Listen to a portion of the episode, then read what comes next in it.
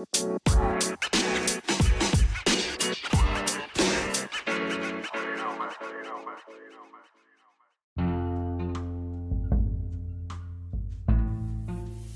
assalamualaikum.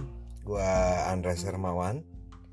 Ini episode pertama dari podcast gue.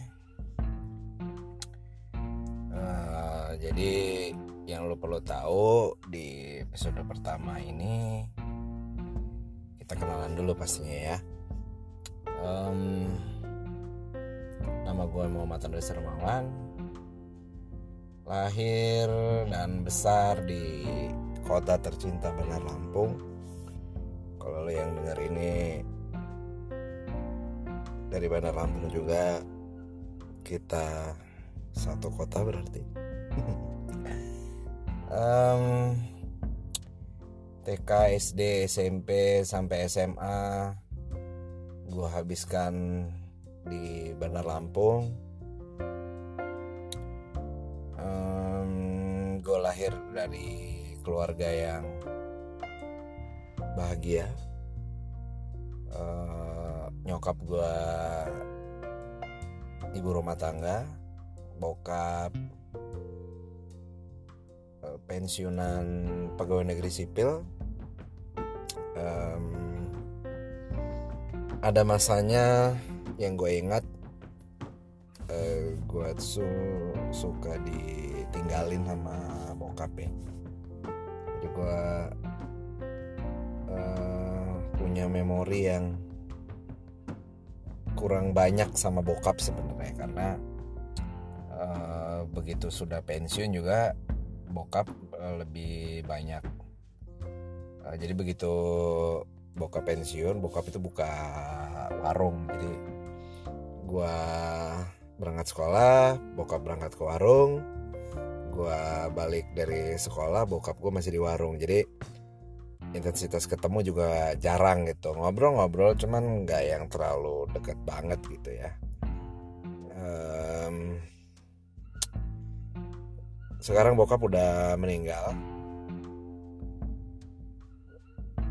Jadi balik lagi gue um, TK di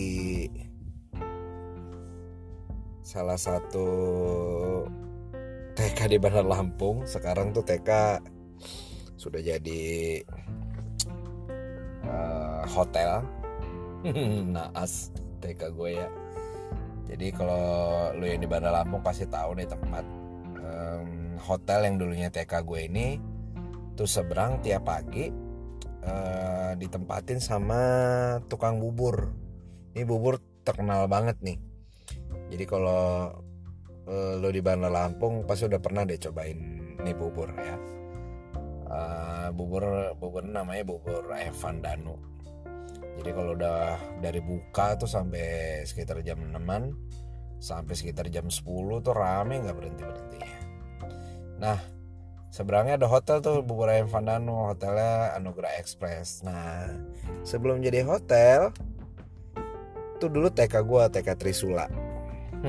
Entah apa yang terjadi si yang punya TK menjual tanahnya uh, akhirnya dibangunlah hotel tersebut.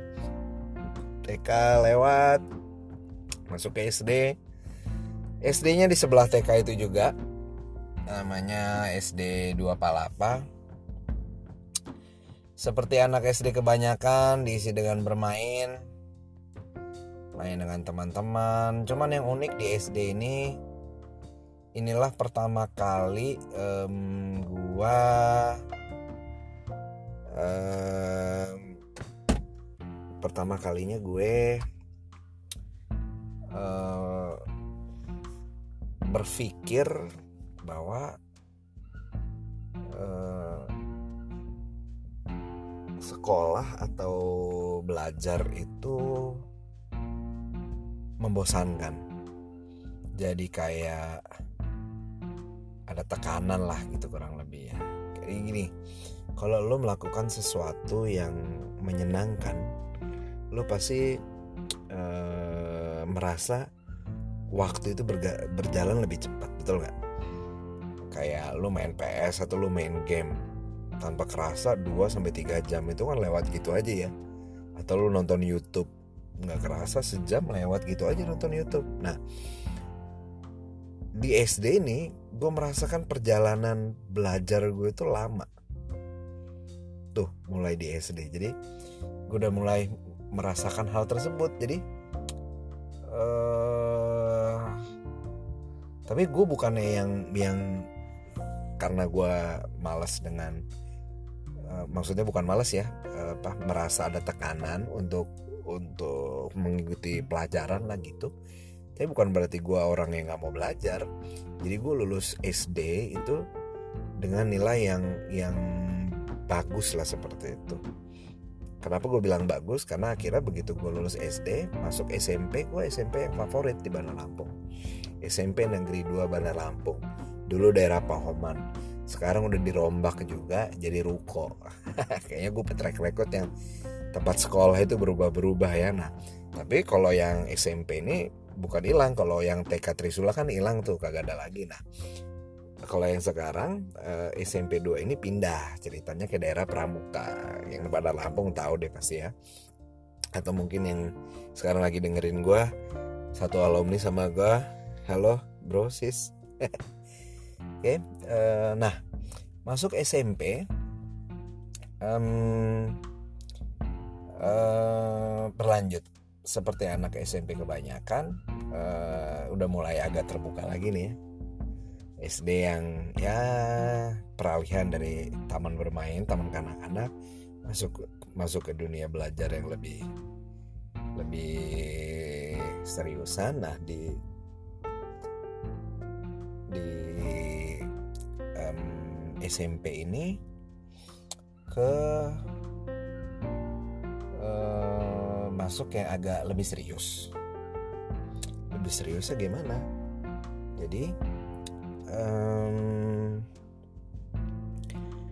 uh, masuk pelajaran-pelajaran yang kalau SD kan namanya juga sekolah dasar ya.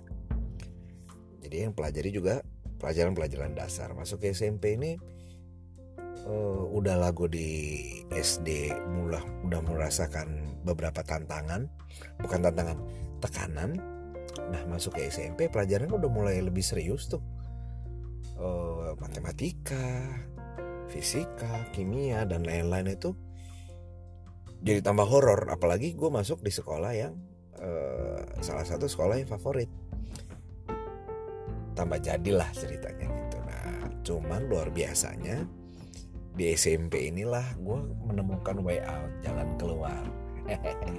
Nah di SMP kan udah mulai ada organisasi tuh ya ada ekstrakurikuler.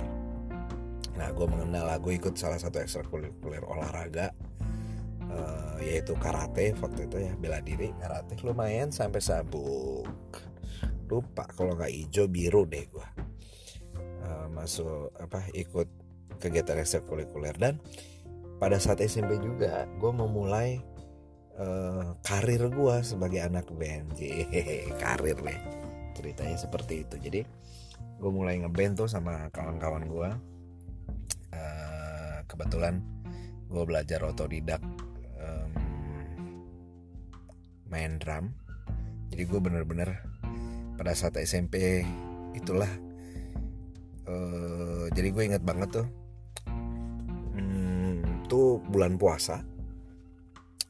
Lo kebayang dong kalau puasa nah, gimana ya nggak melakukan kegiatan fisik aja lo kerasa kekuras energinya gitu deh apalagi jam-jam udah lewat zuhur gitu jam 2 jam 3 itu kan masa kritikal nah gue inget banget itu uh, bulan puasa uh, kita pergi latihan itu jadi hari latihan itu belum pernah kita gua terutama gue belum pernah pegang alat drum sekalipun. Jadi gue itu latihan di dalam pikiran gue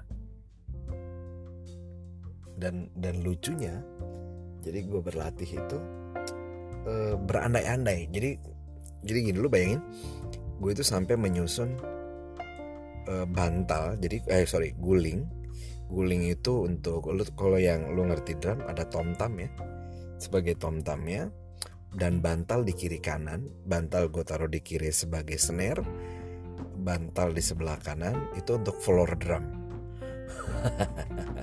Untuk bass drum ya gue mainin pakai tumit dan itu gue bermain seperti itu sebelum gue hari itu eh, berangkat sama kawan-kawan gue latihan band. Nah berangkatlah akhirnya ke kumpul ada sekitar lima orang waktu itu kawan-kawan gue. Banget ada Abu ada uh, Rio terus ada Thomas ada um, Dian Sumantri. Isa gue ketukar-tukar tapi yang gue inget ada satu kawan gue nih uh, Abu Yasir namanya.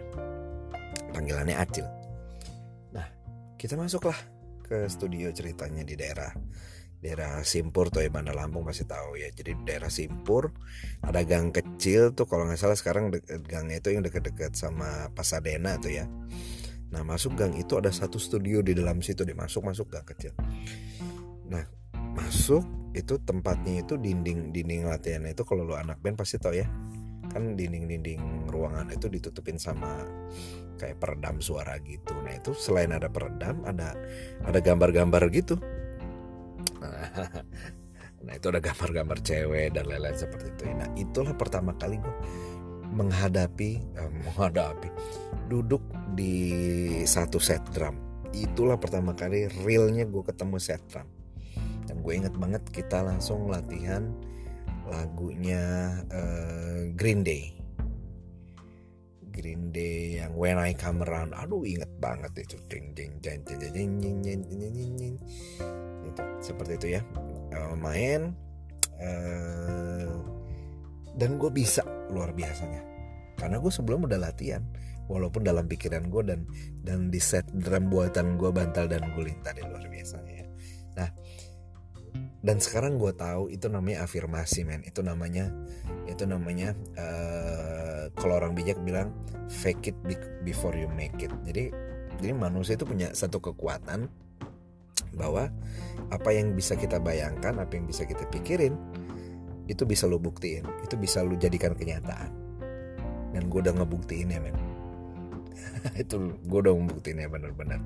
Nah berlanjutlah di situlah mulai karir band gue uh, dari festival ke festival lanjut dan itu dan ngeband itulah yang menyelamatkan gue menyelamatkan dari apa? Menyelamatkan mungkin kalau gue nggak ngeband gue mungkin bisa bisa aneh di SMP karena gue sama sekali nih gue tidak punya memori belajar sama sekali ya di SMP adanya gue eh, ngeband itulah. Nah, terus akhirnya gue lulus dari SMP dan memang hasilnya gue sudah tahu pasti tidak tidak memuaskan. Uh, hasilnya tidak memuaskan buktinya apa teman-teman band gue itu Eh, berlima tuh ya. Jadi tiga orangnya masuk ke SMA 2 SMA favorit di Mandar Lampung. Satunya masuk Taruna Nusantara. Nah gue sendirian tuh masuk ke SMA Negeri 3 Bandar Lampung. Karena apa? Karena nilai gue tidak sebaik mereka.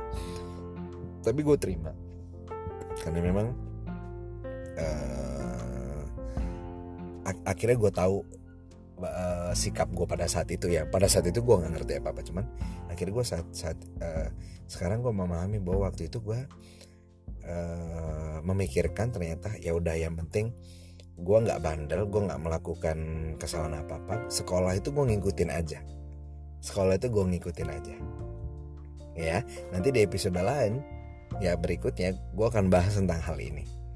Ya bahwa ketika ketika kita ataupun sebagai orang tua yang punya anak mempus anaknya uh, satu tujuan uh, bahwa sekolah itu harus ini harus itu dan lain-lain tidak sepenuhnya benar, tidak sepenuhnya salah juga. Nanti kita akan bahas di episode berikutnya. Oke, okay?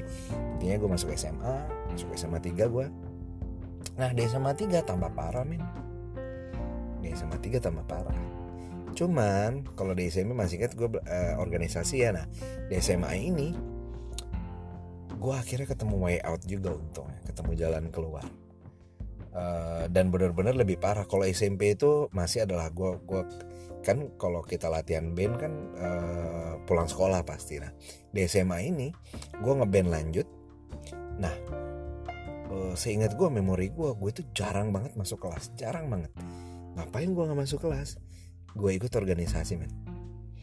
Nah ini ini salah satu organisasi yang bisa gue bilang kan kalau kita masuk sekolah tuh eh, zaman sekarang namanya MOS ya. Masa orientasi siswa MPLS lah sekarang namanya. Nah itu kan biasanya kakak-kakak kelas kita kan apa demonstrasi eskul ngeliatin kerennya eskul ya gimana gitu. Nah nah pada saat itu banyak demo. Nah ada ada satu yang langsung membuat membuat gue tuh jatuh cinta. Jatuh cinta dari pakaiannya jatuh cinta dari sikap orang-orangnya yaitu uh, ekstrakurikuler pas kibra. Gue langsung jatuh cinta men gue lihat uh, waduh kayaknya ini gue banget nih. Padahal lu kebayang gak sih gue dari yang anak SMP ikutan ngeband ngeband kan lu tahu dong ya orangnya. Anak anak band itu pasti tipikalnya yang tidak bisa diatur mau mau enaknya sendiri dan lain-lain. Tapi dari sisi lain gue tuh pengen seperti pas kibra pas kibra yang notabene teratur harus harus rapi dan lain-lain. Nah itu yang ngebuat pada saat SMP gue tuh dikenal dengan yang gue ketua pas kibra men waktu SMA jadi teman-teman gue sekitar gue tuh pada bingung gue ngeband tapi baju gue rapi sementara teman-teman satu band gue yang ya lo tau ya kenakalan remaja waktu SMA yang ngerokok ada yang ngobat ada yang minum kurang seperti itu. Tapi tetap gue bisa jaga sikap gue yang lain pada nongkrong gue berdiri meh tetap kalau nongkrong di kantin tuh lu kalau masuk kantin SMA 3 itu di sini orang nongkrong semuanya brong itu kayaknya ya seperti itu. Nah gue bisa tetap berdiri dengan baju yang tetap dimasukin itu itu itu pelajaran hidup pertama gue jadi ketika lo masuk dalam satu lingkungan pilihan itu dua. Lo memberikan efek positif ke lingkungan lo atau lo terjangkiti efek negatif dari lingkungan lo cuman itu bedanya. Nah alhamdulillahnya gue waktu itu punya sikap positif yang ya berlebih lah kurang lebih kurang lebih. Jadi kalau misalnya gue gue agak lemah mungkin ya pada saat itu bisa jadi gue ikut ikutan ya ikut ikutan nongkrong ikut ikutan baju gue nggak rapi dan lain-lain. Tapi eh, pada masa itu enggak pada masa itu enggak gue tetap rapi men.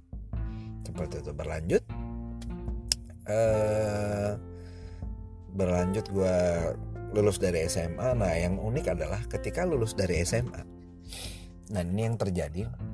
Jadi gue saat ini um, saat ini gue berkegiatan uh, gue sekarang wira swasta wira usaha gue punya bisnis bekerja sama dengan dengan satu perusahaan raksasa dari Asia Pasifik. Jadi gue pegang personal franchise-nya dan kebetulan uh, uh, gue punya komunitas dan kita menjalankan bisnis ini dengan uh, dengan cara online, dengan pendekatannya online kurang lebih seperti itu. Nah, jadi um, ketika gue lulus itu, gue itu tidak tidak berpikir untuk masuk kuliah yang yang seperti orang kebanyakan gitu lah. Jadi jadi gini ketika gue lulus SMA itu gue uh, apa ya perasaannya itu kayak kayak lu kalau abis main game ketemu raja paling terakhir dan lu bisa ngalahin ya apa perasaan lu? Pasti kan ini ya puas langsung ah, ah dari perjalanan lu awal mula lu main game sampai dengan selesai itu kan ya kalau lu udah expert ya mungkin lu menamatkannya hitungan jam. Tapi kalau misalnya kayak gua jujur aja kalau main game gue bisa berhari-hari.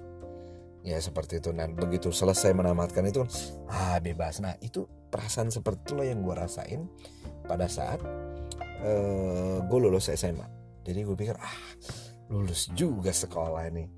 Dan gue nggak kepikiran eh gue itu nggak mikir eh ada kuliah lagi abis ini gitu lah dan ketika sadar bahwa, bahwa ada jenjang berikutnya lagi gue tuh berpikir aduh kayaknya malas deh kalau kuliah harus karena gue gini gue itu inget banget waktu SMP kan rambut gue itu termasuk rambut yang kalau rambut ikal eh, rambut ikal itu kan gampang disisir pakai tangan itu saat langsung rapi lah gitu ya ikal. Rambut gue ini termasuk yang lurus. Dan yang kalau misal habis sampoan itu yang yang aneh jadi ke ke kena angin yang berantakan gitu. Jadi tipikal rambut yang harus pakein pomade pakai minyak rambut setiap hari gitu. Nah, jadi gue uh, satu ketika waktu SMP itu gue itu terlambat ke sekolah karena gue merapihkan sisiran rambut gue lo kebayang cuman ya karena gue pada saat itu uh, gue menyadari bahwa gue orang intro, introvert dan uh, melankolis gue lumayan agak uh, tinggi levelnya jadi orang melankolis, introvert itu kan tipikalnya yang merasa bahwa dirinya diperhatikan kan ya. Jadi kalau misalnya tampilan gue nggak bagus itu kayaknya gue segan gitu loh keluar dari rumah itu loh yang buat dan dan itu menempel sampai bertahun-tahun berikutnya. Makanya ketika lulus SMA gue nggak pikir aduh kalau misalnya gue harus sekolah yang harus nyiapin dandana harus berpikir pakai baju ini itu dan lain-lain selesai sudah. Nah akhirnya ada informasi lah. Nih kakak gue nih ya. Uh, bilang eh kamu mau cobain daftar ini nggak jadi waktu itu gue tahu ada ada akpol ada akmil gitu ya bisa jadi polisi bisa jadi tentara gitu gue tahu tapi gue nggak interest ke sana. Gue nggak berpikir ah gue mau coba ke sana. Enggak karena kan untuk ke sana itu biasanya persiapan udah sebelum sebelumnya lari segala macam lah gue nggak ngelakuin itu tuh. Gue tahu ada teman-teman gue nyiapin itu tapi enggak gue nggak mau daftar itu kok. Ada beberapa adik kelas gue junior gue tuh di pas kibran nanyain abang mau ini ya mau daftar akpol? Enggak.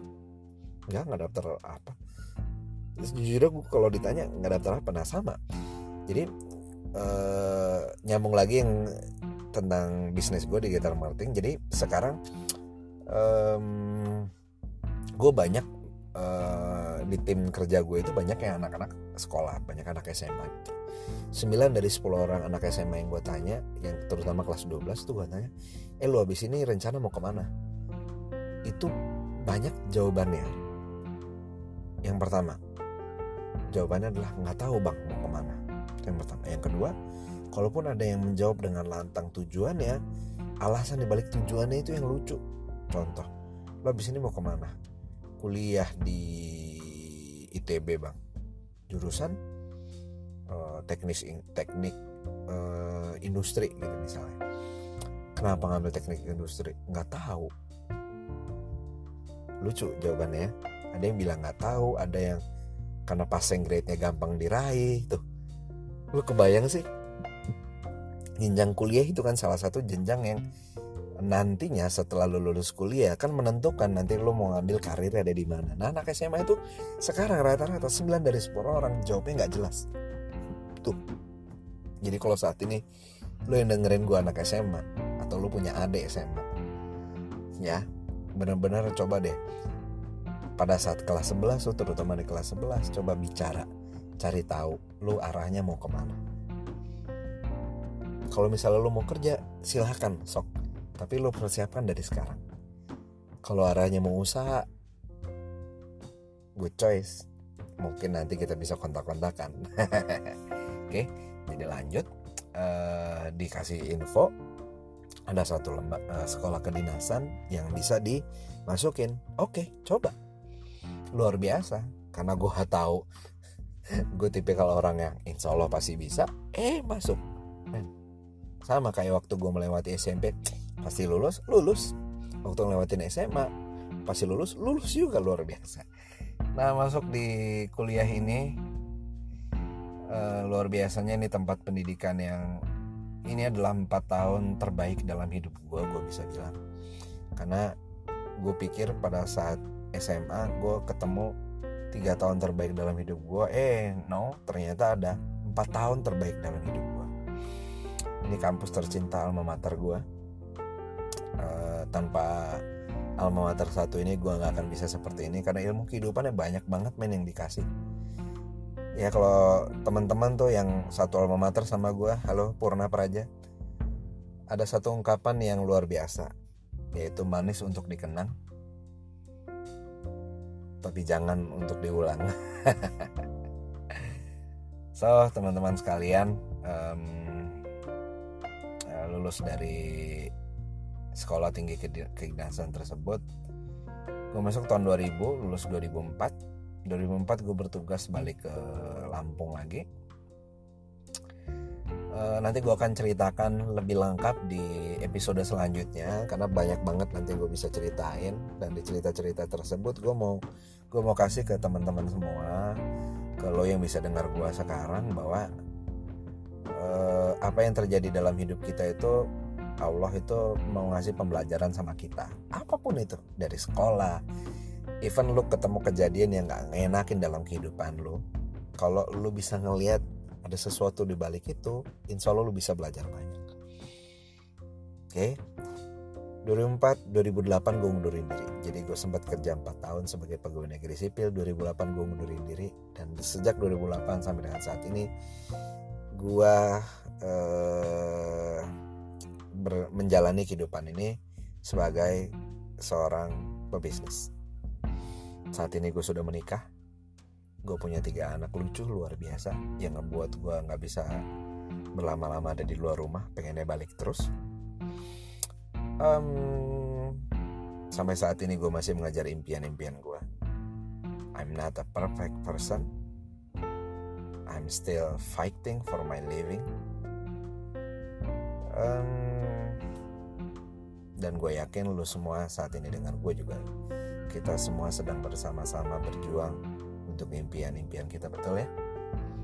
Um, itu aja dari gue mungkin untuk episode yang perdana. Nanti kita akan ketemu banyak. Mungkin gue akan ngajak ngobrol lo kita nanti nanti sharing langsung ya. Atau nanti kita gue akan buat episode atau ngajak ngobrol duet sama seseorang.